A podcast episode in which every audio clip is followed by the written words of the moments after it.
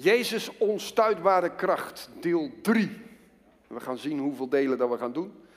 Maar ik vind het een prachtige zin.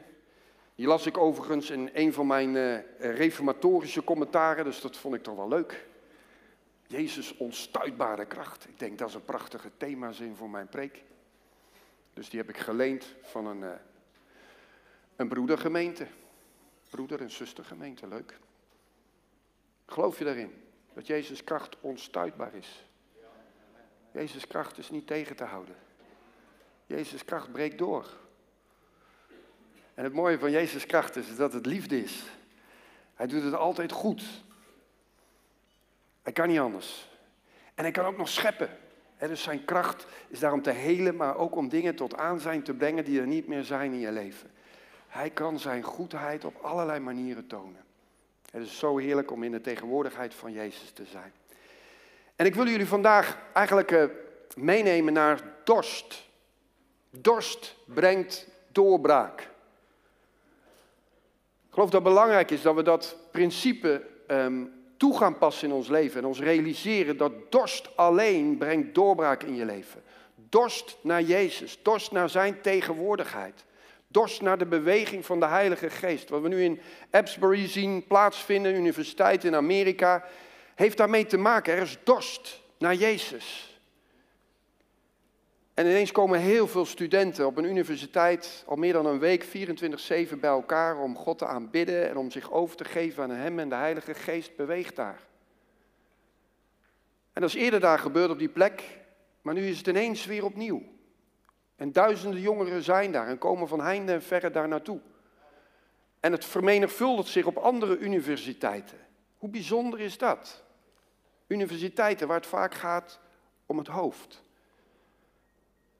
Komt ineens de Heilige Geest die het hart begint te vervullen. En ineens verandert dat de invulling van je dagelijks leven. Dorst. Dorst maakt dat je ineens je prioriteiten gaat verschuiven. Als je echt dorst hebt, dan ben je ineens op zoek naar water. Laat ik het ineens heel anders brengen. Als je heel nodig naar het toilet moet, wat doe je dan? Dan ga je hollen toch? Vaak zie je het ook aan die persoon dat hij heel nodig moet. En dan rent hij. En dan kan het hem niks schelen wat iedereen daarvan vindt. Want Jezus zoiets, ik moet naar het toilet. Nou, bij dorst is iets soortgelijks aan de hand. Als je echt dorst hebt, dan gaan anderen om je heen dat merken. Dan gaan anderen aan je zien van dat je niet meer rekening houdt met wat mensen vinden, maar dat je gaat rekening houden met ik, ik heb dorst en dat moet gelest worden. En het bijzondere is dat in de Bijbel gaan we een aantal teksten lezen en dan zien we dat dorst eigenlijk altijd de sleutel is naar doorbraak. Niet te verzadigd zijn, maar juist dorst. Wat is nou het tegenovergestelde van dorst? Ik heb dus een ander begrip gepakt, want je kan natuurlijk allerlei dingen zeggen, verzadigd, maar je kan ook zeggen luiheid. Lui zijn. En dat geloof ik dat, dat, dat we dat even mogen laden voor ons als, als kinderen van God. Lui. We kunnen heel erg lui zijn. Lui zijn, en dat betekent dan, ik heb iemand eens een definitie uh, horen opschrijven, die ik wel mooi vond, is eigenlijk een zonde, lui. Lui betekent dat je nergens echt in gelooft. Want het brengt je niet in beweging. Je je eigenlijk niet echt om iets geeft. Want je bent passief. Dat je ten diepste niks meer wil leren. Dat je je nergens echt mee bemoeit. Druk om maakt. Je kan ook niet echt genieten dan. Je houdt niet echt van iemand. Je haat ook niet echt wat. Je bent gewoon lui. Je haat niet de zonde. Je haat niet de ziekte. Als je ziekte haat, dan kom je in beweging. Dan druk je door. Dan wil je verandering. Dan hou je vol. Dan blijf je verwachten. Lui zijn betekent dat je je nergens echt aan overgeeft. En dat je, en dit is een hele scherpe, dat je alleen in leven blijft omdat er niets is waarvoor je zou kunnen sterven.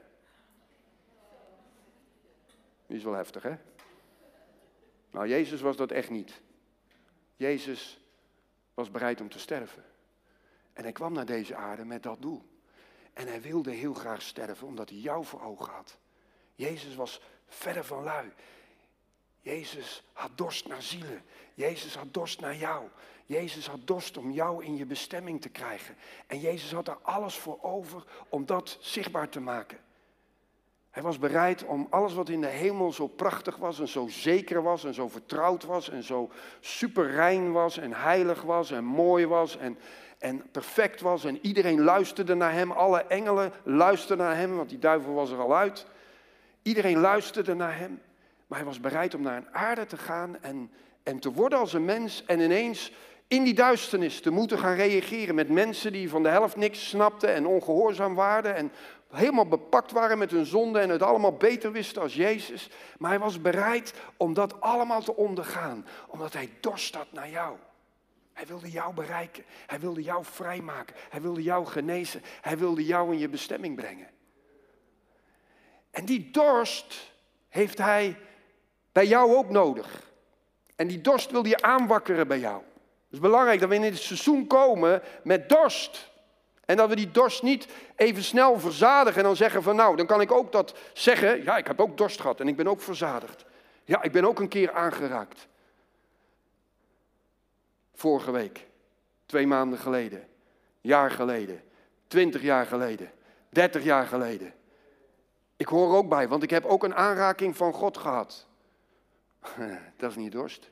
Dat is niet de dorst waar de Bijbel over spreekt. Dat is voortdurend dorst hebben naar de tegenwoordigheid van God, waarin je elke keer opnieuw weer tot Hem wil komen.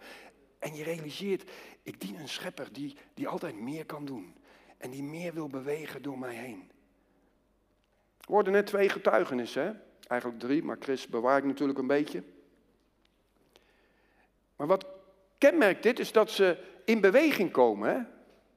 Zeker met Joelle vind ik dat heel krachtig. Hè? Ze komt in beweging, ontvangt een aanraking van God en de volgende keer komt ze weer. Omdat ze dorst heeft. En daar reageert God op. Chris, nu die er niet is, kan ik hem dan extra eren. Anders denkt hij van, uh, als hij erbij is, dan is het misschien wat anders. Maar dan voelt dat altijd wat ongemakkelijk. Maar Chris kwam hier woensdagavond in zijn rolstoel, moet hij uit Breda komen met zo'n wagen, moet hem dan brengen met zo'n taxi. Dan is hij vaak hier uh, veel te vroeg, heb ik wel eens eerder verteld. Waarom? Omdat hij in het profetische team zit en mee ging dienen om te profiteren over levens. En het woord van kennis was woensdagavond over zijn rechter schouder.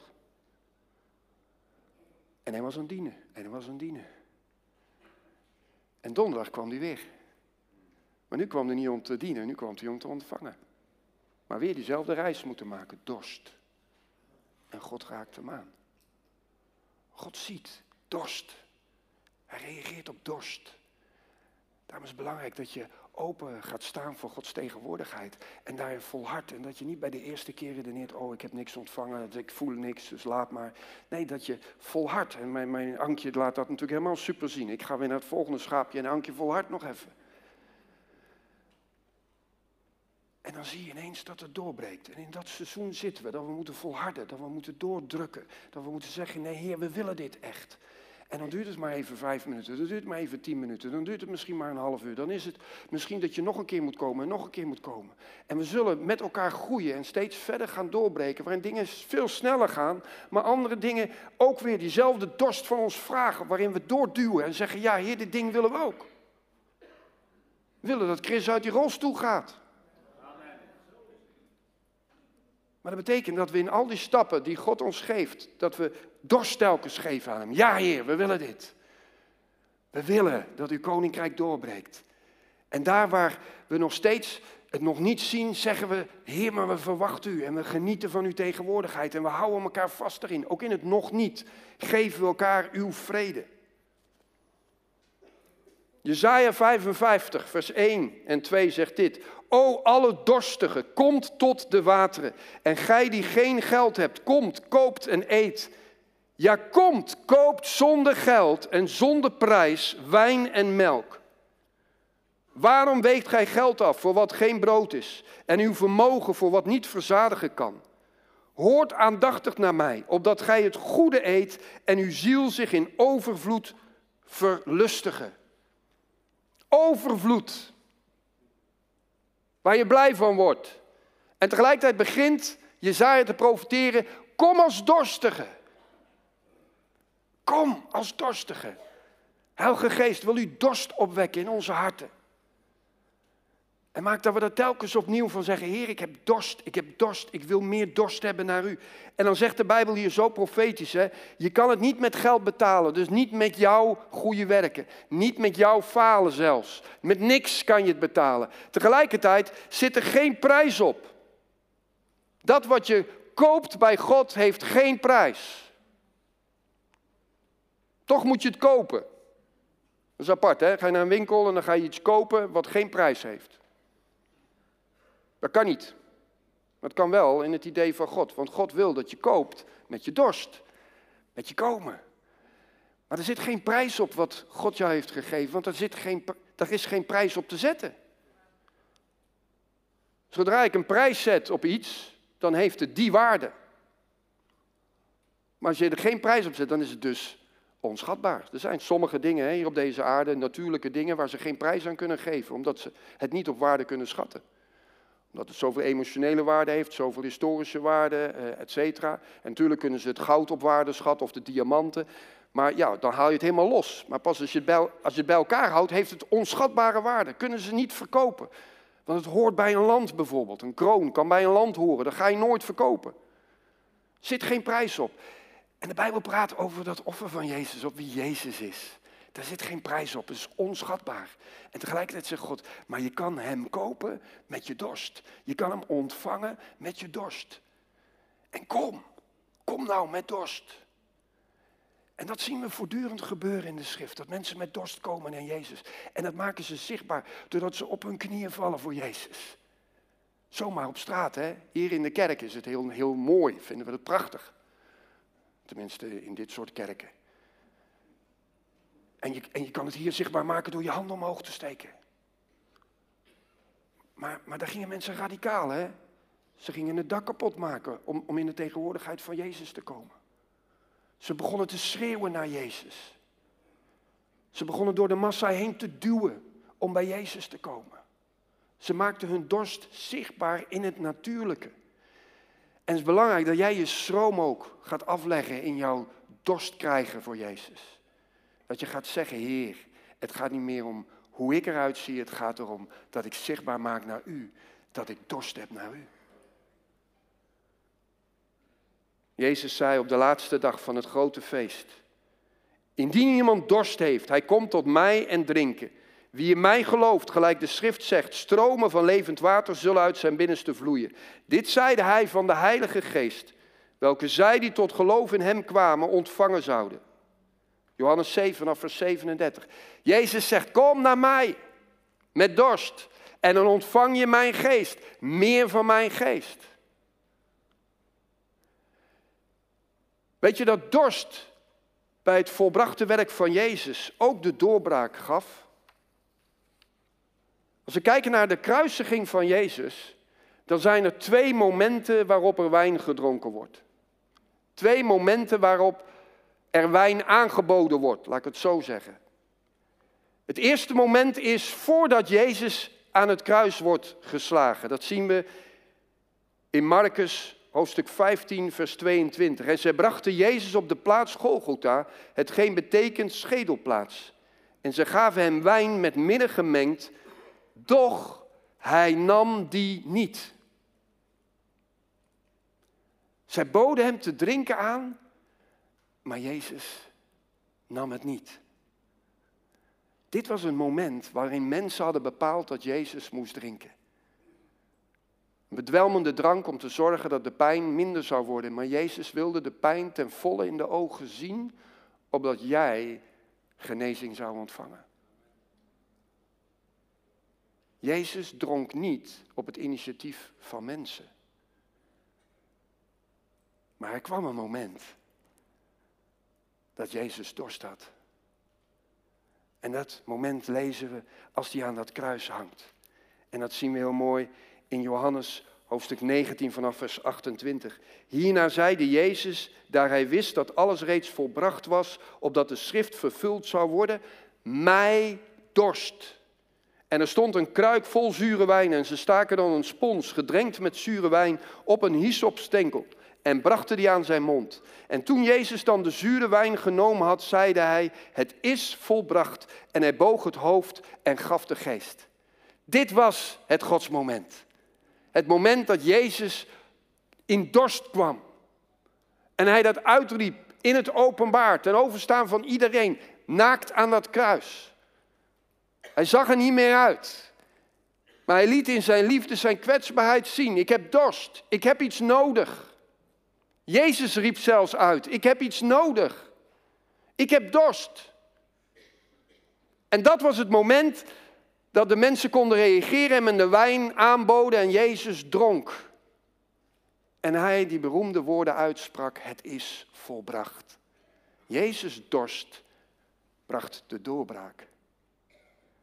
En het bijzondere is dat Jezus dat in het openbaar zei, zelfs die zwakte toonde, als het een zwakte is, maar even zo benoemen, die zwakte toonde in het openbaar.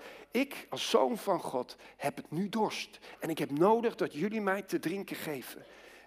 En het waren niet zijn vrienden die hem te drinken gaven, het waren zijn vijanden die hem te drinken gaven. En hij ging daarmee dieper in als, als Psalm 23, die natuurlijk ook spreekt over, gij richt voor mij een dis aan voor de ogen van wie bij benauwen, waarin God een maaltijd geeft aan ons voor onze vijanden, maar dan geeft God het. En hier zegt Jezus, ik wil het van mijn vijanden ontvangen, want ik heb mijn vijanden lief. Zijn dorst werd gelest door zijn vijanden, omdat hij de God van genade is. Dorst brengt doorbraak. Zelfs bij Jezus. Hoeveel te meer bij jou en mij. En dat is wat Jezus dus ook zegt tegen ons. Kom als dorstige. Kom en laat je dorst lessen bij mij. En ontdek dat zodra je hem denkt gelest te hebben, er opnieuw dorst ontstaat in je leven. Naar meer van mij. En dat is nou precies het principe waarin hij wil wandelen met jou.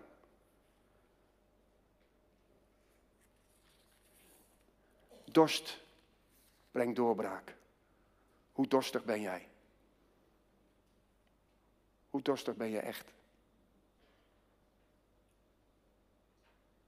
Hoe laat je dat dan zien? Hoe laat je dat zien aan Jezus, dat je dorstig bent?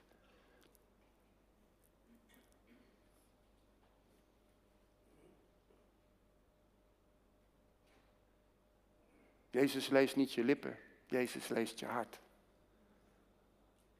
En wat werkelijk in je hart is, komt uiteindelijk wel naar boven. En dat is oké in de tegenwoordigheid van God, want Hij weet het. Maar Hij wil je er wel voor wakker maken. Hé, hey, ik wil je dorstig maken naar mij. En misschien voelt zo'n periode waar we nu in zijn gekomen wel een beetje onheimisch. Zo van, ik zie dorstige mensen, maar ja, het was toch ook goed zoals het was. Nee, God wil meer. God wil dieper. God kijkt naar je bestemming. God kijkt naar zijn hemelse plan over je leven. God ziet verder en dieper dan jij. Hij is je schepper. Hij ziet dat je voor iets meers en beters bent bestemd als waar je nu in wandelt. En hij weet, dorst naar mij is de sleutel naar doorbraak in je leven. Dus hij wil je aanwakkeren. Hij wil dat je eigenlijk om je heen gaat kijken en gaat zeggen, Heer, dat wil ik ook. Heer, ik wil ook zo passievol zijn. Heer, ik wil ook zo enthousiast worden over u. Heer, ik wil ook dat het dieper gaat in mij. Heer, ik wil ook dat ik in beweging durf te komen. Heer, ik wil ook dat ik ga volharden en ga volhouden. Net zolang totdat ik ontvang wat u voor ogen hebt in mijn leven. Heer, ik wil uw woorden serieus gaan nemen. Ik wil ze weer gaan lezen als waarheid. Ik wil niet zeggen, ja, dit was 2000 jaar geleden alleen maar zo, uh, maar ja, dat, dat is niet meer voor nu. Nee, ik wil, ik wil het lezen voor het nu. God wil in het nu werken. God wil in het nu spreken. God is een God van het nu. Mag de Heilige Geest dat aanwakkeren in je leven. Mag hij alles schudden om je heen, waar je niet meer vastzit aan je eigen dingen, maar waarin je zegt, Heer, ik wil loslaten en grotere dingen van u gaan ontvangen. Wie is met mij vandaag? Ben je nou een, een Stefanus of een Saulus? Misschien wel leuk om die twee eens tegenover elkaar te zetten. Stefanus of Saulus? Nou, wie wil je zijn? Nou, iedereen wil Stefanus zijn, toch? Nou, pas op, want die is gestenigd. Maar ik zei Stefanus of Saulus. Ik zei niet Stefanus of Paulus. Stefanus of Saulus. Als je echt dorstig bent naar de tegenwoordigheid van God, wil je liever Stefanus zijn als Saulus. Stefanus was zo dorstig naar de tegenwoordigheid van God, dat hij erin omkwam. Letterlijk. Maar hij zag een geopende hemel. Hij zag Jezus staan. Hij was in de glorie van God. Hij sprak woorden van leven. Oh, ik kon ook scherpe dingen zeggen. Als je een Stevenus bent, dan kan je ook wel eens scherpe dingen zeggen. Want hij zegt in Handelingen 7, vers 51, hardnekkige en onbesnedenen van hart en oren, gij verzet u altijd tegen de Heilige Geest. Niet zo heel uh, slim. Toch wel. Want hij sprak vanuit de tegenwoordigheid van God. Hij zat te beuken tegen die leiders die eigenlijk het volk wilden weghouden van Jezus, die het leven is, die de overvloed is. En hij sprak ze aan. Jullie zijn hardnekkig. Jullie lezen dezelfde dingen, maar jullie telkens jullie brengen het onder jullie juk, onder jullie theologie. En Saulus was daar ook een product van. Hij was die fariseer die constant vanuit zijn theologisch systeem keek naar de dingen en het daarop afrekende en zei, dit kan niet van God zijn, dit is niet God. We moeten deze kerk vervolgen. We moeten deze discipelen van Jezus die dood is, die moeten we ombrengen. Want we kunnen niet toestaan dat deze leer gezag gaat krijgen in onze natie. En hij was voortdurend bezig om vanuit zijn systeem te kijken en te denken. En ze waren zelfs bereid om geweld toe te passen. En ze keken naar hetzelfde als de discipelen van Jezus, maar zij redeneerden totaal anders. Maar Stefanus had een ontmoeting met Jezus gehad. Stefanus wist dat Jezus het leven is. Jezus, Stefanus durfde daarin te gaan bewegen, durfde in wonderen te bewegen, durfde in tekenen te bewegen. Was een man vol van kracht. Dit is wat de Bijbel zegt over hem in Handelingen 6, vers 8. Stefanus was een man vol van genade en kracht, deed wonderen en grote tekenen onder het volk. Wie wil je zijn? Stefanus of Saulus? Weet je wat er gebeurde met Stefanus? Dat hij zo vol van genade en kracht was dat de Bijbel dan in hoofdstuk 6, vers 15 zegt. En allen die in de raadzitting hadden, zagen toen zij Stefanus aanstaarden zijn gelaat als het gelaat van een engel. Hij zat te stralen. In zijn verhoor, in de moeite, was hij aan het stralen als een engel. Want hij was vol van genade en kracht. Dat is jouw bestemming. Dat is jouw bestemming. Dat is wat de Heilige Geest wil wakker maken in jou. Dat is de Heilige Geest die jou daarin wil brengen. En dat betekent ineens dat al je omstandigheden, al je prioriteiten ineens een heel andere worden. Want je bent nu vol van genade en kracht, vol van de glorie van kracht. Je wil zijn koninkrijk bouwen, je wil wonderen en tekenen doen, je wil doorbreken. Ook daar waar tegenstand is, daar waar religiositeit de kop op steekt en het wil knechten. Verkeerd kijkt naar de schrift, verkeerd kijkt naar wat God aan het doen is. Breek je door, want je gelooft dat je eeuwig leven hebt. Je gelooft dat de eeuwigheid nu al realiteit is. Stefanus leefde al vanuit de hemel. En dat is ook jouw deel. En dan wordt je leven ineens heel anders. Wil je dat? Wil je dat? Dat is een keuze die je kan maken. Dat is een keuze die je kan maken. En als je niet zo overgeeft zoals Stefanus dat doet, ben je niet eens een Saulus, hè, want Saulus was echt helemaal anti. Maar je kan wel lui worden. En daarom heb ik dat ook benoemd vandaag. Lui is toch wel het tegenovergestelde van dorst. En lui kan je op een gegeven moment wel brengen naar de positie van anti. Daarom leg luiheid af en kom in dit seizoen met honger en dorst naar de tegenwoordigheid van God. En de geest van God zal meer en meer bewegen. En weet je wat wij nu de afgelopen weken zien gebeuren? Is dat de Heilige Geest ons eigenlijk steeds voller maakt. Steeds bewuster maakt dat Hij met zijn glorie in ons woning heeft gemaakt, maar dat Hij dingen wil opruimen. Dat Hij ruimte wil maken in jouw hart en in jouw leven. Dat Hij vreugde wil brengen. Dat hij angst wil laten wegvloeien uit je leven. Dat daar waar gebondenheden zijn, dat die loskomen van je. Hij wil dat je vrijkomt. Maar de vraag is, wil jij vrij zijn of wil je alleen maar verlichting hebben in je leven? En dat is belangrijk, dat dat een verschil is. Want we zijn namelijk getraind met elkaar dat we alleen maar in verlichting willen bewegen. Want dat is, dat is het makkelijkste namelijk. Dan is het gewoon een beetje beter geworden. En dan begint het iets wel met een beetje beter. Of misschien met een plotseling. Maar je wil meer. Maar verlichting, dan zeg je eigenlijk nou een beetje is ook goed genoeg. Een beetje blij. Een beetje vrij. Een beetje ontspanning. Een beetje rust. Een beetje kracht. Eén keer per jaar een aanraking. Eén keer per twintig jaar een wonder. Eén keer per dertig jaar stap ik uit op water. Petrus deed het toch ook maar één keer? Nee, vrijheid is dat je volledig loskomt van alles wat je knecht en hindert en dat je je overgeeft aan de volheid van Gods geest. Verlichting houdt in dat we eigenlijk niet bij wortels komen van onze problemen. En wat er nu plaatsvindt, en dat zei ik vorige week ook, maar ik, ik, wil dat herhalen. Wat er nu plaatsvindt is dat de Heilige Geest eigenlijk begint te drukken op je leven. En dan komt er dus wat zaken naar boven. Wat gevoelens komen naar boven. En die gevoelens zijn signalen waar je wat mee moet. Daar moet je mee over in gesprek met God. Of met een van ons. Hey, dit voel ik telkens.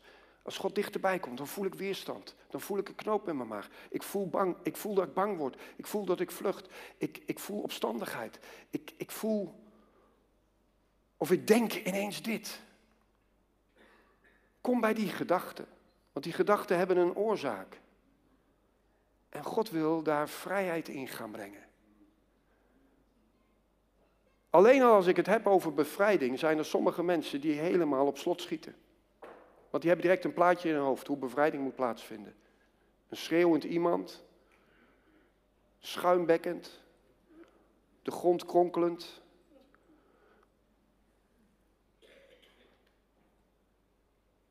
En dan aan het eind van het verhaal is hij er niet uit. Dus dan ga je nog met dat ding mee naar huis ook. Nou, dat is helemaal ellendig, hè? Dus dat woord bevrijding heeft helemaal geen bevrijding voor jouw idee, maar alleen maar nog meer ellende. En daar moet je bij komen, want het heeft een reden waarom dat je zo denkt. Misschien heb je dingen ongezond gezien. Misschien heb je dingen uh, vernederend gezien voor de mensen. En, en wij willen een andere cultuur bouwen. We willen een cultuur van vrede geven. We willen dat God manifesteert, maar niet dat de duivel manifesteert. We willen dat God tot eer komt. En willen respectvol omgaan met je. Tot op zekere hoogte natuurlijk, want ja, Jezus vernederde zich aan een kruis. Dus we zijn niet vies van als God iets vernederends doet aan jou, omdat je ineens op de grond valt bijvoorbeeld.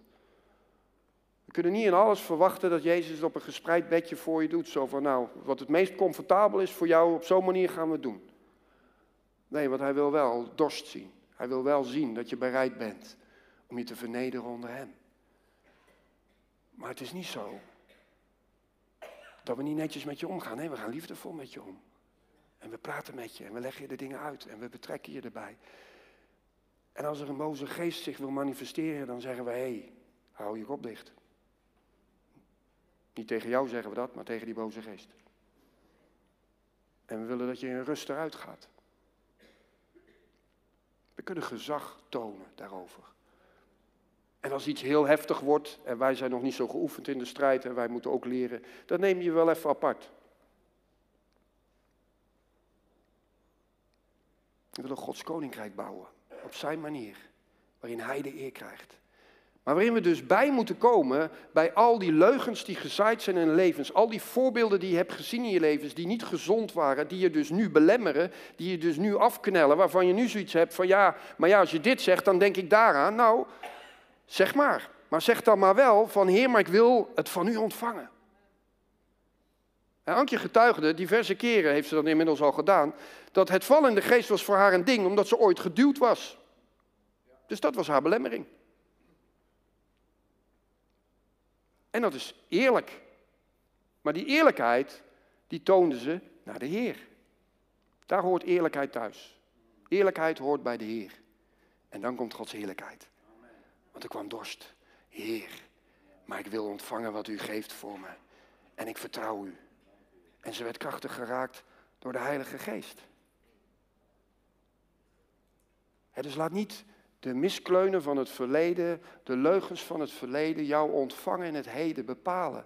Nee, zeg Heer, ik wil ontvangen en ik ben bereid om eerlijk te worden over de dingen en in de vernieuwing van u te stappen en de leugens te breken. En als ik last heb van, van zonde, dan wil ik, wil ik graag dat ze, dat ze door uw vergevingskracht vrijkomen van mijn leven.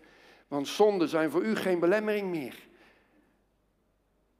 Maar ze zijn vaak voor mij een belemmering. Want ik hou ze in de schuilhoeken van mijn hart. Ik hou ze in, het, in mijn eigen duisternis. Nee, Heer, ik wil ze opruimen in uw, in uw licht, zodat ik steeds vrijer word om te ontvangen. Zonde is helemaal niet zo'n groot ding. Als we het wel eens hebben over zonde, dan voel ik ook al bij sommige mensen van, oh nou wordt het zwaar. Nee, zonde is voor God helemaal niks zwaars meer aan, want Christus heeft dat op het kruis gebracht. God schrikt niet meer van zonde. God wordt niet belemmerd door jouw zonde. Als je ziek bent, dan is voor God geen belemmering om je te genezen. Ook al heb je gezondigd. Het is vaak voor jou een belemmering om te ontvangen. Ken je dat verhaal? dat die verlamde daar komt bij, bij Jezus. En dat, uh, dat Jezus dan iets heel wonderlijks zegt tegen hem. In Lucas 5, vers 20. Jezus zag op het geloof van de helpers en vergaf de zonde van de lammen. Nou, dat is toch. Uh... Er ligt een lamme, die heeft blijkbaar zonde gedaan. En Jezus kijkt naar het geloof van de helpers en vergeeft de zonde van de lammen. En dan zegt hij sta op en wandel. Nou, dit past niet in onze theologie, toch? Maar dat is wat Jezus doet. Want hij is vergeving. Hij is bevrijder. Hij is degene die geneest. Maar hij spreekt wel die vergeving uit. Want die vergeving brengt vrijheid. Die vergeving maakt dat het doorbreekt. Daarom hoort dat er vaak bij. Dat zonden opgeruimd worden. Maar niet van zwarigheid, maar juist van eindelijk kunnen we die bij het vuilnis gooien. Ik weet niet hoe moeilijk jij doet over de vuilnis wat je in je huis hebt, maar je, je ziet het en je pakt het en je gooit het in de prullenbak buiten. Tenminste, als je slim bent. Heel veel mensen gooien al het, al het vuil eerst binnen. Ik weet ook niet waarom dat we nou doen. Ze zitten allemaal binnen te stinken en dan als het te veel stinkt, dan gaan we het eens een keer naar buiten brengen. Breng het nou in één keer naar buiten. En dat is trouwens een goeie, want dat doen we vaak met onze zonden, met ons falen. Gaan we eerst binnenhouden. Gaan we lekker in roeren, gaan we allemaal overdenken, gaan we ons heel schuldig voor voelen. We willen daar de hele zwaarte in beleven van hoe erg dat het allemaal wel niet is wat je doet. Terwijl het idee bij God is dat je direct bij hem brengt. Direct naar buiten gooit. Heer, ik ontvang uw vergeving. Dan hou je het veel frisser en schoner in huis. dus voor God is het geen probleem om jou vrij te maken. De vraag is, wil jij vrij zijn of wil je verlichting ontvangen? Wil je een klein beetje? Wil je ehm, het gewoon voor je gevoel goed hebben? Of wil je in de diepte komen met God? Dus, dorst brengt doorbraak. Ik hoop dat je kiest voor Stefanus in plaats van Saulus. En dat je kiest voor vrijheid in plaats van verlichting.